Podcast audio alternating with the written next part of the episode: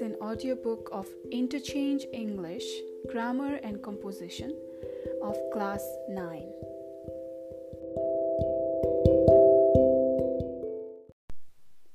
Chapter 30, page number 285. Dialogue completion. Read the following conversation. Receptionist. Good morning. Can I help you, madam? Guest.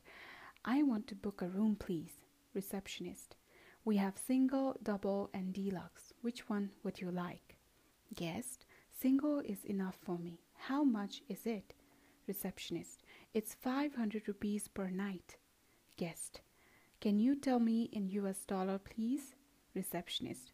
It's just 7 US dollar. Guest. That's not bad. Thank you. A dialogue is a conversation between two or more people. It is a literally a literary technique in which writers employ two or more characters to be engaged in conversation with each other. A dialogue enables exchange of ideas or opinions and empowers the speaker and the listener. It facilitates in resolution of issues and breaks the ice between unfamiliar people.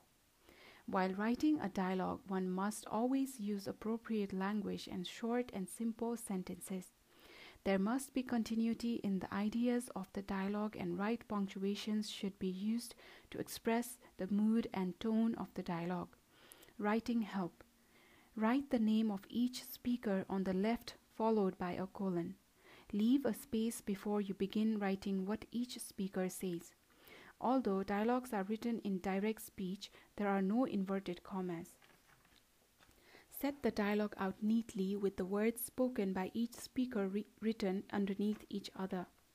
Punctuation marks, where necessary, can be used to show tone, example, exclamation marks.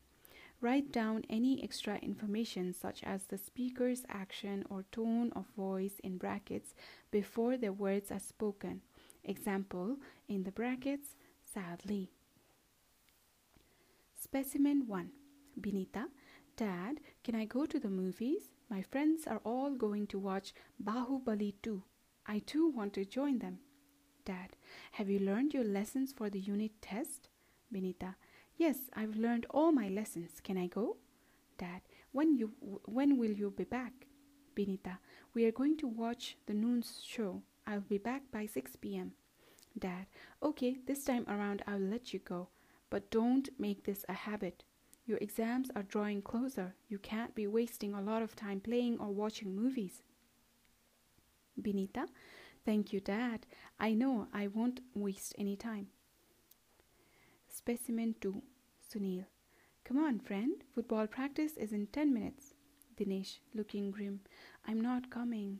Mr. Karki told me not to come. He said he is sick and tired of me being selfish with the ball and he doesn't like the way I dribble and don't pass.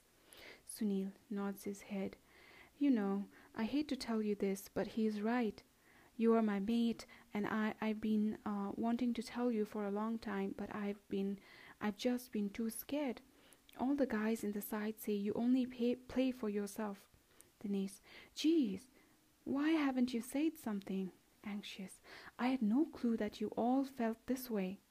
Sunil, thinking, maybe it's not too late to do something. Let's go to Mr. Karki and say you've only just realized how selfish you've been. Excitedly, I'm sure if I speak up, he'll let you come to practice. Dinesh, thanks, Sunil. Are you sure you don't mind? Show what you know. Number one, compose a dialogue between your friend and you about the advantages and disadvantages of watching television. Two, you are in a restaurant in a town. You want to order some food you like most. Develop a conversation between a waiter and you. 3. Write a piece of dialogue uh, in each of the following situations. A.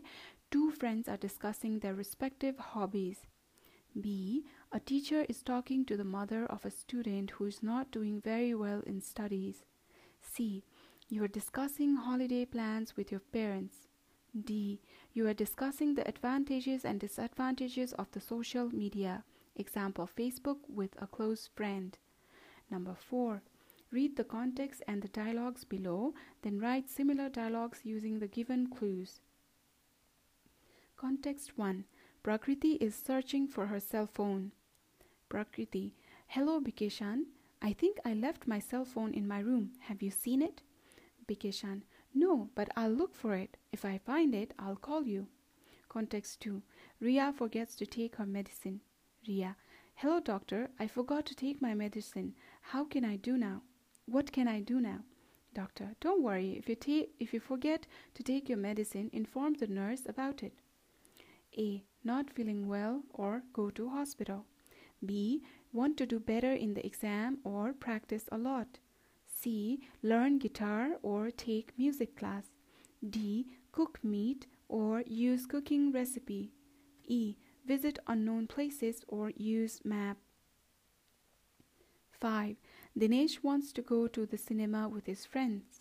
He asks his mother for permission. Construct a dialogue between both of them in 100 to 120 words. 6. Write a dialogue between yourself and your friend about your birthday party. 7. Ram's mother fell ill all of a sudden and he had to look after her. So he couldn't go to his school. The next day he went to school and his teacher asked him about his absence the previous day. Construct a dialogue between Ram and his teacher in about 100 words. With this, chapter 30 have ended at page number 287.